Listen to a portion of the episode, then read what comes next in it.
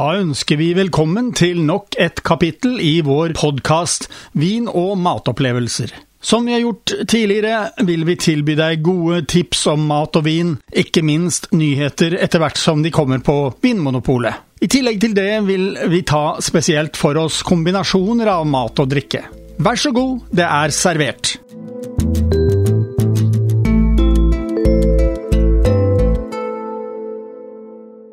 Det har nå kommet en mengde nye viner på Vinmonopolet. Både helt nye og en del nye årganger.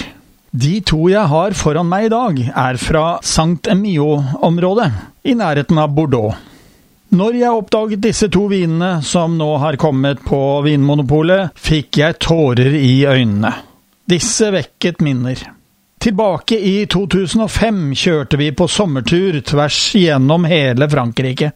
Vi kom inn i landet fra Tyskland og inn i Alsace. Målet vårt var Bordeaux, eller faktisk så var det konjakk. Den ytterste og den sørligste delen av konjakk. Det er ganske mange kilometer å kjøre, spekket med opplevelser. Vi hadde leid oss inn på en tidligere konjakkgård. Med det som hovedbase reiste vi på dagsturer i alle retninger. Blant annet kjørte vi en dag til den fasjonable vinbyen Saint-Emio.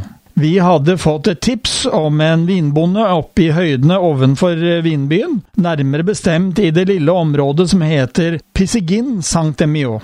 Vi ankom en varm og fantastisk sommerdag, fant bonden og lurte på om vi kunne få kjøpt noe vin. Det kunne vi, og brakte flaskene med oss hjem til konjakkgården der vi bodde. Dette var noen flotte rødviner som absolutt burde fått mange år i kjelleren før de ble drukket. Og her skal du få et godt tips. Det beste av alt var at de kostet rundt halvparten av hva du måtte ha gitt for en ekte Sankt Emio-vin.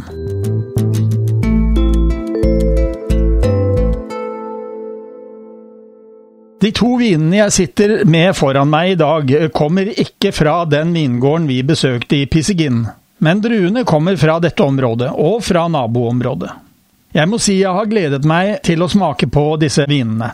Den første heter Chateau Ponte Bayard og er fra 2018. Vinhuset heter Vignoble Richard-Efis.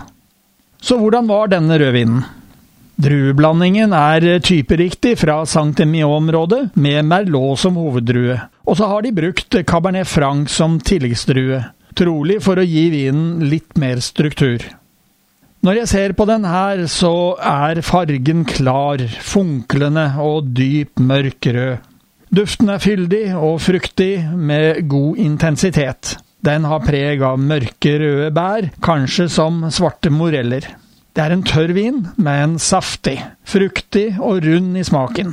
Vinen er ganske fyldig og konsentrert, og har frukt av mørke røde bær med litt urtepreg. Den er også ganske behagelig og lang ettersmak. Så hva kan vi bruke denne vinen til? Først vil jeg si at dette er en flott matvin, men at du skal være litt nøye med serveringstemperaturen. Den bør være maksimalt 18 grader når du får den i glasset.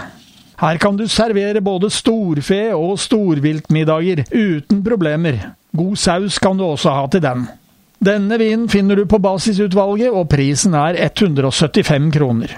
Konklusjonen vår må være at det er en staselig rødvin som er et godt kjøp.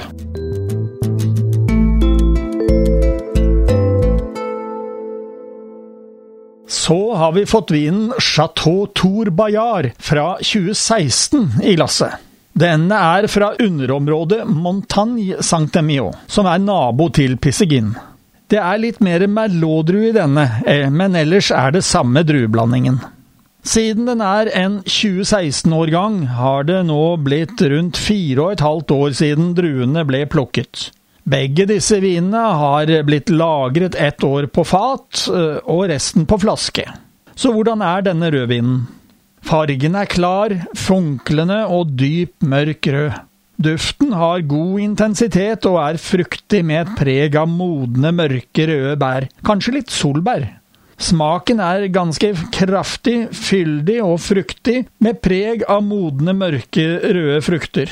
Kanskje som mørke plommer. Foruten et urtepreg kjenner vi også litt krydder. Vinen er ganske konsentrert og har litt garvestoffer, men de er godt integrert.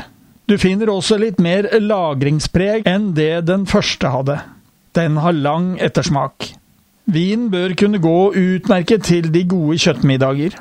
Vi testet den til en deilig biffmiddag, noe som den naturlig nok hadde ingen problemer med å takle. Denne vinen finner du på basisutvalget og koster 240 kroner.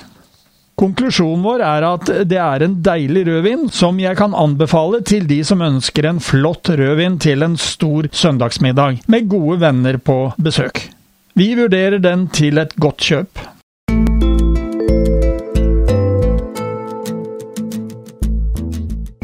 Da har du fått dagens podkast fra Radio Riks Oslo om mat og vin. Hvis du ønsker å abonnere på den, slik at du får den automatisk når nye blir lagt ut, kan du gjøre det.